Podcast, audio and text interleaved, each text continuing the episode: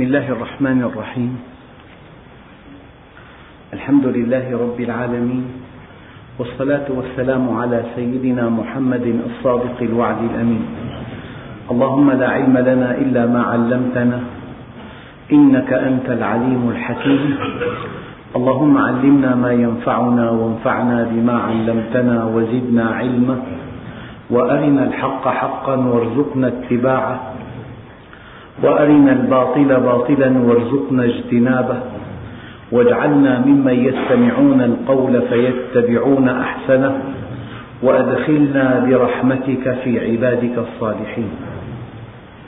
أيها الإخوة المؤمنون مع الدرس السادس والثلاثين من دروس سورة النساء ومع الآية السابعة والسبعين وهي قوله تعالى ألم تر إلى الذين قيل لهم كفوا أيديكم وأقيموا الصلاة وآتوا الزكاة فلما كتب عليهم القتال إذا فريق منهم يخشون الناس كخشية الله أو أشد خشية وقالوا ربنا لم كتبت علينا القتال لولا أخرتنا إلى أجل قريب قل متاع الدنيا قليل والآخرة لمن اتقى ولا تظلمون فتيلا. أيها الإخوة الكرام لأن هناك معركة أزلية أبدية بين الحق والباطل. ولأن الإنسان مخير ولأنه أودعت فيه الشهوات ولأنه أعطي منهجا هو مخير أودعت فيه الشهوات ومعه منهج. فلو تحرك بدافع شهواته وفق المنهج لا شيء عليه. وعم السلام العالم. لكن بعض الناس رفض المنهج واتبع الهوى. فصار عدوا حكما لمن طبق المنهج واتبع الحق. إذا هناك في الأرض نموذجان. إنسان عرف الله فانضبط بمنهجه وأحسن إلى خلقه فسعد في الدنيا والآخرة. وإنسان غفل عن ربه فتفلت من منهجه وأساء إلى خلقه كنتيجة حكمية لجهله ولغفلته عن ربه ولاتباعه الهوى أساء إلى خلقه فشقي في الدنيا والآخرة.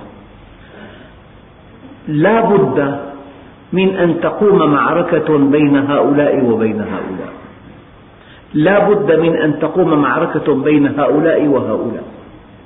هذه المعركة قديمة قدم وجود البشر ومستمرة ما دام على سطح الأرض بشر. شيء طبيعي. لذلك أيها الإخوة لو أن نبيا كريما جاء بمنهج إلهي ودعا الناس إليه فالذين استجابوا له مؤمنون به خيرون محسنون منضبطون مستقيمون. والذين رأوا أن هذا المنهج يقيد حريتهم ويعيق ملذتهم ويحد من نشاطهم الاستمتاع في الحياة. لا بد من أن يكذبوا هذا النبي. والإنسان حركي يعني ديناميكي التعبير المعاصر حركي. فكلما وصل إلى شيء يريد شيئا أكبر. وكلما زلت قدمه في طريق تابع الزلل. وكلما سار في طريق الإيمان تابع سيره في طريق الإيمان. إذا هذا تمهيد لأنه لا بد من وجود معركة في الحياة الدنيا بين الحق والباطل. الله عز وجل يقول إذ جاءوكم من فوقكم ومن أسفل منكم وإذ زاغت الأبصار وبلغت القلوب الحناجر وتظنون بالله الظنون هنالك ابتلي المؤمنون وزلزلوا زلزالا شديدا. فأما الذين في قلوبهم مرض فقالوا ما وعدنا الله ورسوله إلا غرورا. وفي آية أخرى من المؤمنين رجال صدقوا ما عاهدوا الله عليه فمنهم من قضى نحبه ومنهم من ينتظر وما بدلوا تبديلا. لكن أيها الإخوة إن أحكام القتال دقيقة جدا. لا بد من أن يكون هناك تكافؤ نوعا ما بين الفريقين. أما فريق صفر وفريق مليون هذا ليس قتالا ولكنه انتحار. لذلك أمر القتال لا يشرع إلا عن طريق أولي الأمر. المسلمون في مكة منعوا أن يقاتلوا. تقتضي الحكمة ألا يقاتلوا. يقول الله عز وجل ألم تر إلى الذين قيل لهم كفوا أيديكم؟ متى يقال لإنسان كف يدك؟ إذا مد يده. يعني الظلم الذي كان في مكة لا يحتمل. الظلم والقهر والقسوة والمقاطعة والإفقار والإذلال شيء لا يحتمل. ومع ذلك لو سمح الله جلت حكمته بالقتال في مكة لكانت حربا أهلية تأكل الأخضر واليابس. ففي البيت الواحد شباب مؤمنون وشباب غير مؤمنين. لانتقلت المعركة من بيت إلى بيت ومن حي إلى حي. لكن حكمة الله جل جلاله تقتضي في مكة ممنوع أن تمد يدك إلى الكافر أو أن تقاتله. أما في المدينة حينما كان هناك كيان للمؤمنين وقوة للمؤمنين وقيادة للمؤمنين سمح للنبي عليه الصلاة والسلام أن يقاتل الكفار والمشركين في المدينة. فلذلك أيها الإخوة فيما أرى أن مشكلة المسلمين هذا الاندفاع غير المنضبط اندفاع عاطفي فقد تندفع اندفاعا عاطفيا من دون تطبيق لمنهج الله ومن دون تخطيط فقد تسبب الويلات للمسلمين. لعل الاندفاع العشوائي العاطفي يسبب فرحا من قبل المؤمنين ولكن قد تكون عواقب هذا الاندفاع خطيرة جدا على مجموع المؤمنين. فالعبرة لا بعمل فردي طارئ يعقبه ألم شديد. العبرة في هذا الشأن الخطير أن نتبع منهج الله عز وجل. فالله عز وجل يقول ألم تر إلى الذين قيل لهم كفوا أيديكم. حينما يسمح الله لك تقدم. وإذا منعت امتنع. لكن المشكلة اليوم أيها الإخوة طبيعة الحياة تسمح بجهاد دعوي.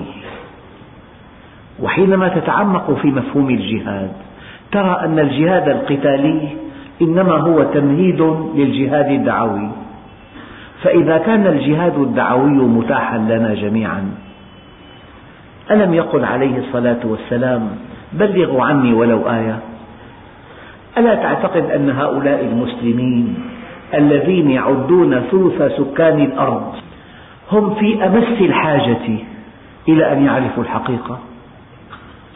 ذكرت لكم قبل أسبوعين فيما أذكر أن خطيبا من دمشق ذهب إلى بلد أوروبي وألقى خطة في أكبر مسجد هناك. ولولا أنني سمعت القصة من فمه لشككت في القصة. اعتلى المنبر وخطب خطبة رائعة جدا. بكى كل من في المسجد. ومن شدة تأثرهم بما ألقاه الخطيب أخذوا من جيوبهم زجاجات خمر فشربوا وهم يبكون. ألا ترى أن هؤلاء المؤمنين يحتاجون إلى توعية يحتاجون إلى تعليم؟ الجهاد الدعوي سماه الله الجهاد الكبير وجاهدهم به جهادا كبيرا. مسموح لك أن تختار جامعا تثق بخطيبه وبعلم خطيبه. وباستقامة خطيبه وبورع خطيبه وبإخلاص خطيبه. اختر جامعا تظن في خطيبه هذا الظن الحسن. ثم استمع إلى خطته بإتقان وبوعي. ثم حاول أن تنقل هذا الذي سمعته إلى من حولك؟ إلى أهلك إلى أولادك إلى أصدقائك إلى زملائك إلى جيرانك. تكون قد ساهمت بتوسيع دوائر الحق وتضييق دوائر الباطل. فهذا الذي يتحرق لكي يقاتل نقول له هل جاهدت نفسك جهاد النفس والهوى؟ لماذا حينما نذكر جهاد النفس والهوى لا نصغي إليه؟ هل تصدقون أنه مستحيل وألف ألف ألف مستحيل أن تنهزم أمام نفسك أن تنهزم أمام شهوتك أن تنهزم أمام مصلحتك. مستحيل أن تواجه نملة بعد ذلك. هذه المشكلة. هذا الذي هزم أمام شهواته أو هزم أمام مصالحه أو أمام ملذاته أو نزواته أن له أن يواجه عدوا. فلذلك أول جهاد يجب أن نندفع إليه جهاد النفس والهوى. وهذا جهاد متاح لكل مسلم في أي مكان وزمان. جهاد النفس والهوى. أول جهاد ينبغي أن نسارع إليه وهذا لا يكلفنا إلا الصدق في طلب الحقيقة. فإذا استطعت أن تحمل نفسك على طاعة الله أن تلزمها حدود الله أن تقيم الإسلام في بيتك أن تعتني بأولادك أن تربي أولادك. أنا أتكلم الآن كحل واقعي لما يعاني منه المسلمون.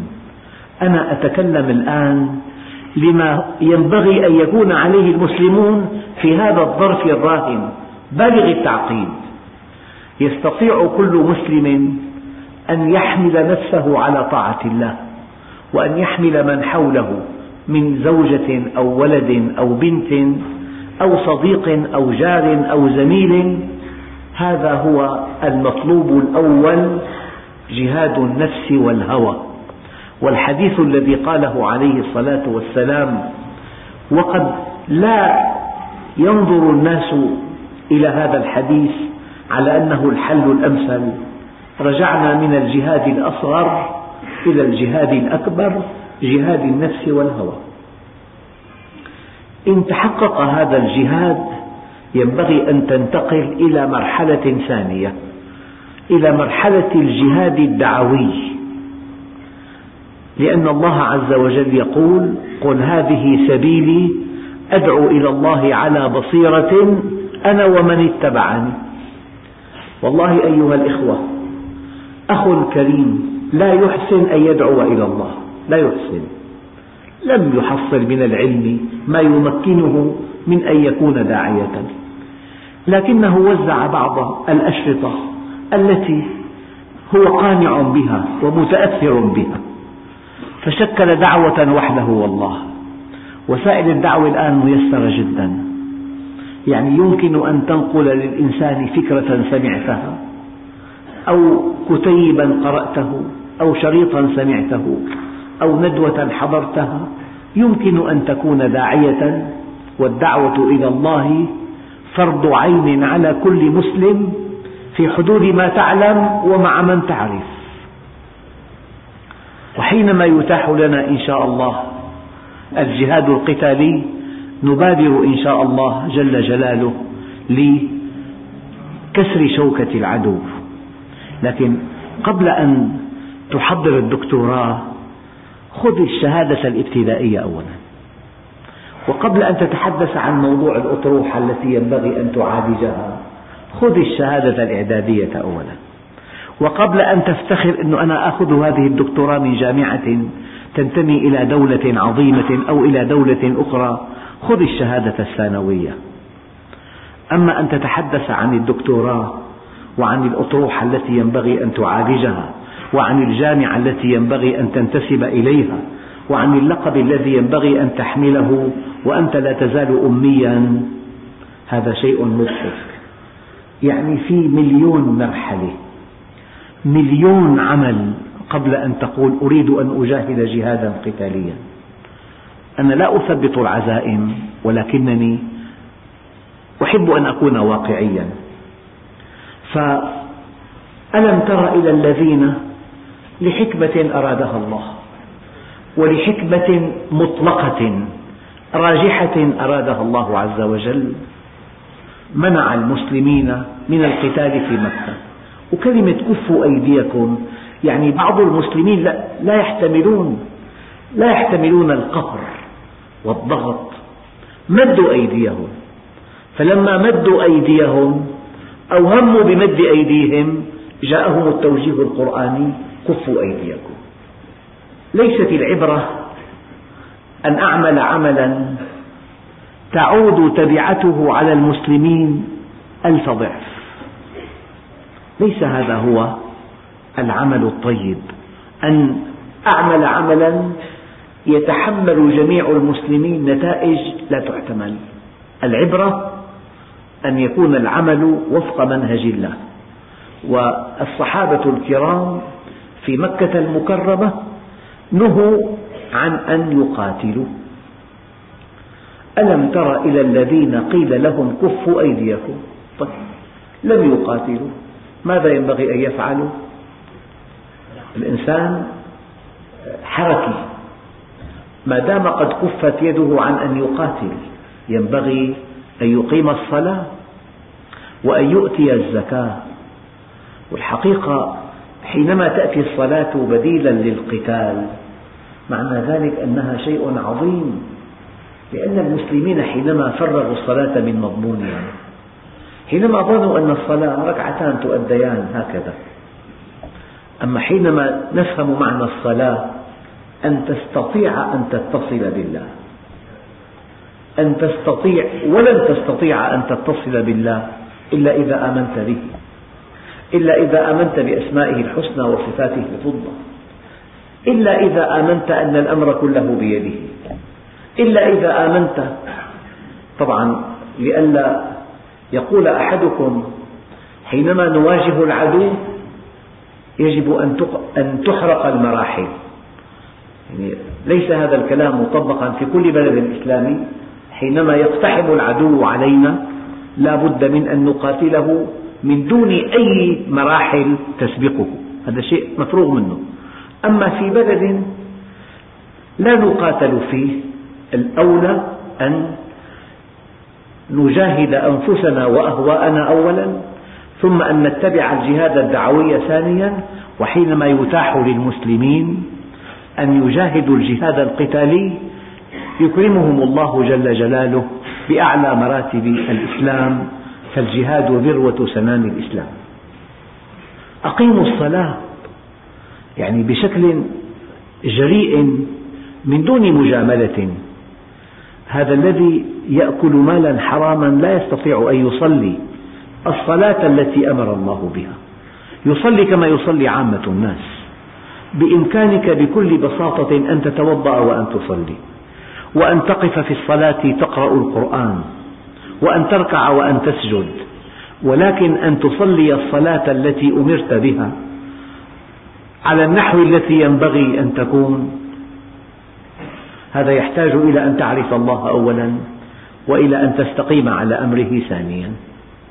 فكلمة أقيموا الصلاة يعني ينبغي أن تعرف أنك تصلي لمن. قد تكون الصلاة عادة من عوائد المسلمين. قد تكون الصلاة عملا لا معنى له عند معظم المسلمين. ولكن حينما يقال لك أقيموا الصلاة يعني ينبغي أن تعرف لمن تصلي. ينبغي أن تعرف أن الذي تصلي له بيده مقاليد السماوات والأرض. ينبغي أن تعرف أن الذي تصلي له عنده ما لا عين رأت ولا أذن سمعت ولا خطر على قلب بشر. ينبغي أن تعرف أن الذي تصلي له يعاقب بنار إلى أبد الآبدين. فأقيموا الصلاة يعني ينبغي أن تعرفوا الله وأن تطيعوا أمره وأن تنتهوا عما عنه نهى وأن تحكموا اتصالكم بالله عز وجل. ألم تر إلى الذين قيل لهم كفوا أيديكم وأقيموا الصلاة؟ من هنا ورد في بعض الأحاديث القدسية ليس كل مصل يصلي. إنما أتقبل الصلاة ممن تواضع لعظمتي وكف شهواته عن محارمي ولم يصر على معصيتي وأطعم الجائع وكسى العريان ورحم المصاب وآوى الغريب كل ذلك لي وعزتي وجلالي إن نور وجهه لأضوأ عندي من نور الشمس على أن أجعل الجهالة له حلما والظلمة نورا يدعوني فألبيه يسألني فأعطيه يقسم علي فأبره أكلأه بقربي وأستحفظه ملائكتي مثله عندي كمثل الفردوس لا يمس ثمرها ولا يتغير حالها. ألم تر إلى الذين قيل لهم كفوا أيديكم وأقيموا الصلاة وآتوا الزكاة. إيتاء الزكاة دفع المال لمعاونة إخوانك المؤمنين. سمى الله الزكاة صدقة. لأنها تؤكد صدق إيمانك. يعني لا بد من حركتين حركة نحو الله وحركة نحو الخلق. وكأن الدين بمجمله حركتان حركة نحو الخالق وحركة نحو المخلوق. حركة نحو الخالق عبادة وحركة نحو المخلوق إحسانا. أقيموا الصلاة وآتوا الزكاة. ثم يقول الله عز وجل فلما كتب عليهم القتال الآن كانوا يتحرقون على أن يقاتلوا. وكل شيء تتشوق إليه إذا كان بعيدا عنك. والتشوق سهل جدا. هؤلاء الذين أرادوا مد أيديهم أرادوا القتال في مكة وجاءهم توجيه الله عز وجل كفوا أيديكم. بدل أن تقاتلوا أقيموا الصلاة وآتوا الزكاة. يعني طبقوا المنهج بحذافيره وكونوا من أهل الإحسان. فلما كتب عليهم القتال لما جاء الأمر بالقتال لما سمح الله بالقتال وقد أصبحوا في المدينة ولهم كيان ولهم قيادة. والأمل بالانتصار صار مقبول معقول. فلما كتب عليهم القتال إذا فريق منهم يخشون الناس كخشية الله أو أشد خشية. معنى ذلك أن الله سبحانه وتعالى رسم لنا بهذه الآية معالم شخصية. الشيء إذا كان بعيدا عنها هناك تشوق إليه فإذا وصل إليه ابتعد. ما بال هؤلاء الذين يتشوقون إلى القتال وإلى الانتصار وإلى مقاومة العدو؟ لما قيل له تعال تفضل تعال قاتل. قال إذا فريق منهم يخشون الناس كخشية الله وينبغي أن تخشى الله أكثر من أي شيء آخر. أتخشون الناس؟ والله أحق أن تخشوه. الحقيقة الجهة التي تملك كل شيء هو الله عز وجل. يملك وجودك يملك سمعك وبصرك يملك حركتك يملك عقلك يملك ما حولك يملك من حولك يملك من فوقك يملك من تحتك. فهذه الجهة التي بيدها كل شيء ينبغي أن تخشاها. وقد قال النبي عليه الصلاة والسلام أشدكم لله خشية. أنا فكيف أيها الإنسان الذي كنت قبل حين تتشوق إلى القتال وإلى مقارعة الكفار لماذا ترى أن قوتهم لا تقابل؟ وأنك أضعف من أن تقف أمامهم. هذا نموذج.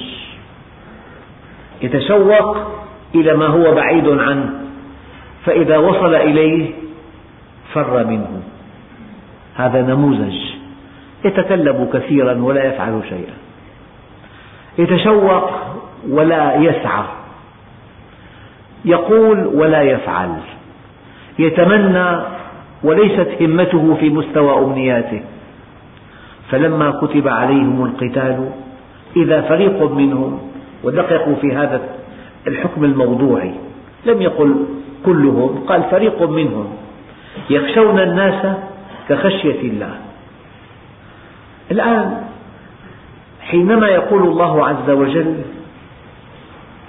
الذين قال لهم الناس إن الناس قد جمعوا لكم والحقيقة في الآن قطب قوي جدا وبإمكانه أن يرصد كل حركة في الأرض وبإمكانه أن يقصف كل مكان في الأرض بأسلحة فتاكة لا نظير لها.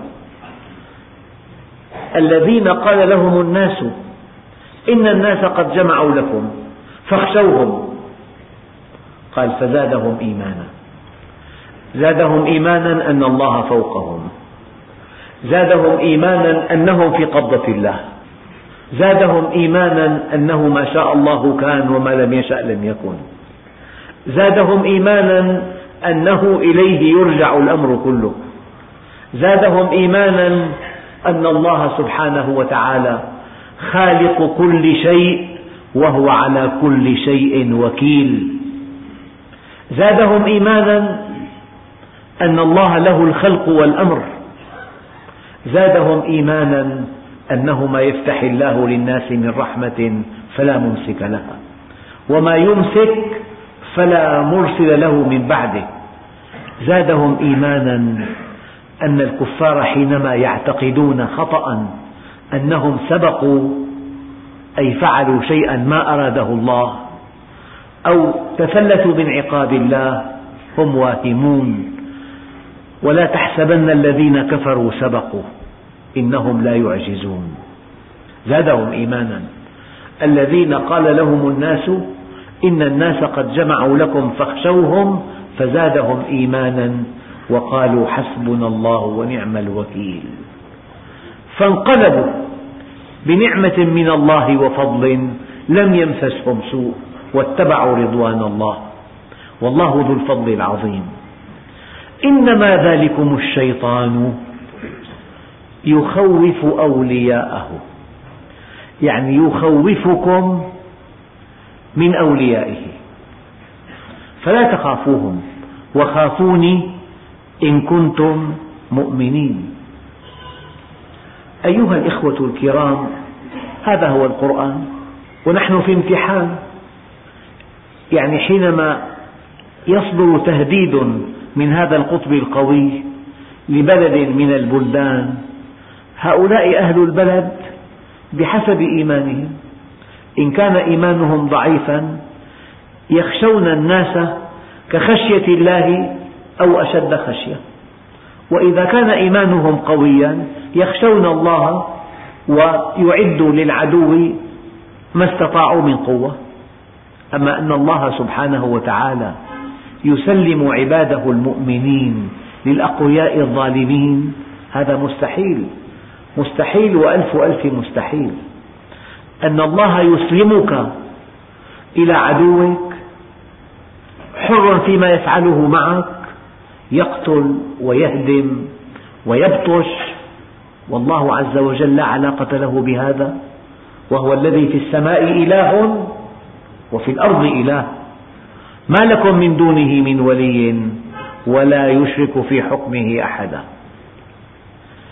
إنما ذلكم الشيطان يخوف أولياءه يعني يخوفكم بأوليائه. فلا تخافوهم وخافوني إن كنتم مؤمنين. أيها الأخ الكريم علامة إيمانك أن تخشى الله وعلامة النفاق أن تخشى الناس ولا تخشى الله. أو أن تكون خشية الناس أشد من خشية الله. هذه علامة نفاق. فالمؤمن لا يخشى إلا الله. والمؤمن موقن أن الأمر بيد الله. وأن أحدا في الكون لا يستطيع أن يفعل شيئا من دون إذن الله. وأن أمرك بيد الله ولا يسلمه لجهة أخرى. وأن الله حينما يسلمك لجهة أرضية عدوة ماكرة حقيرة منتقمة كيف تعبده؟ ما أمرك أن تعبده إلا بعد أن طمأنك أن الأمر كله عائد إليه إليه يرجع الأمر كله فاعبده وتوكل عليه إذا فلما كتب عليهم القتال إذا فريق منهم يخشون الناس كخشية الله أو أشد خشية وقالوا ربنا لم كتبت علينا القتال يعني كأن هؤلاء الضعاف ما أحبوا أن تكتب عليهم هذه الفريضة تمنوا أن يموتوا على فرشهم سيدنا خالد يقول خضت مئة معركة أو زهاءها وما في جسمي موضع شبر إلا وفيه ضربة بسيف أو طعنة برمح. وها أنا ذا أموت على فراشي كما يموت البعير فلا نامت أعين الجبناء. يقولون لولا أخرتنا إلى أجل يعني نتمنى أن نموت على فرشنا نتمنى لا أن نموت قتلا أن نموت موتا طبيعيا. فالله سبحانه وتعالى أجابهم إجابة رائعة. قل متاع الدنيا قليل. هذه الحياة الدنيا التي تحرصون عليها متاعها إلى متاع الشهيد قليل جدا لا شيء. لأن الله سبحانه وتعالى يقول ولا يحسبن الذين قتلوا في سبيل الله أمواتا بل أحياء عند ربهم يرزقون. أعددت لعبادي الصالحين ما لا عين رأت ولا أذن سمعت ولا خطر على قلب بشر. قل متاع الدنيا قليل. هذا الذي تحرصون عليه عند الله قليل. دقق في قوله تعالى وعلمك ما لم تكن تعلم وكان فضل الله عليك عظيما. وفي قوله تعالى قل متاع الدنيا قليل. إن هؤلاء يحبون العاجلة ويذرون وراءهم يوما ثقيلا. نحن خلقناهم وشددنا أسرهم. قل متاع الدنيا قليل والآخرة لمن اتقى لمن اتقى أن يعصي الله لمن أطاعه لمن آمن به لمن أحبه لمن أقبل عليه والآخرة لمن اتقى ولا تظلمون فتيلا. ما من شيء لا وزن له ولا قيمة له كالفتيل. خيط رفيع جدا بين فلقتي نواة التمرة لا تظلمون قيمة هذا الفتيل ولا قيمة له. وإن تك مثقال حبة من خردل أتينا بها وكفى بنا حاسبين. أيها الإخوة هذه آية دقيقة جدا. ينبغي ألا تكون أفعال المسلمين ردود فعل غير مدروسة وغير مخطط لها وعشوائية وانطلاقا من نزوة طائشة من انفعال شديد. وقد يكون هذا الاندفاع والانفعال يجر على المسلمين ويلات لا يعلمها إلا الله. فلا بد من تطبيق منهج الله. ألم تر إلى الذين قيل لهم كفوا أيديكم وأقيموا الصلاة وآتوا الزكاة؟ فلما كتب عليهم القتال إذا فريق منهم يخشون الناس كخشية الله أو أشد خشية وقالوا ربنا لم كتبت علينا القتال لولا أخرتنا إلى أجل قريب؟ قل متاع الدنيا قليل. أرجو الله سبحانه وتعالى أن ننطلق جميعا إلى مجاهدة النفس والهوى. الآن يسموا التعليم الأساسي. هذه المرحلة الأساسية. فإن تمكنا من جهاد النفس والهوى إن عرفنا ربنا المعرفة الكافية التي تحملنا على طاعته فلننتقل إلى الجهاد الدعوي. وهذا الجهاد الدعوي سماه الله جهادا كبيرا. فإذا أتيح لنا ونرجو الله أن يتاح لنا الجهاد القتالي بادرنا إلى كسر شوكة عدونا. والحمد لله رب العالمين.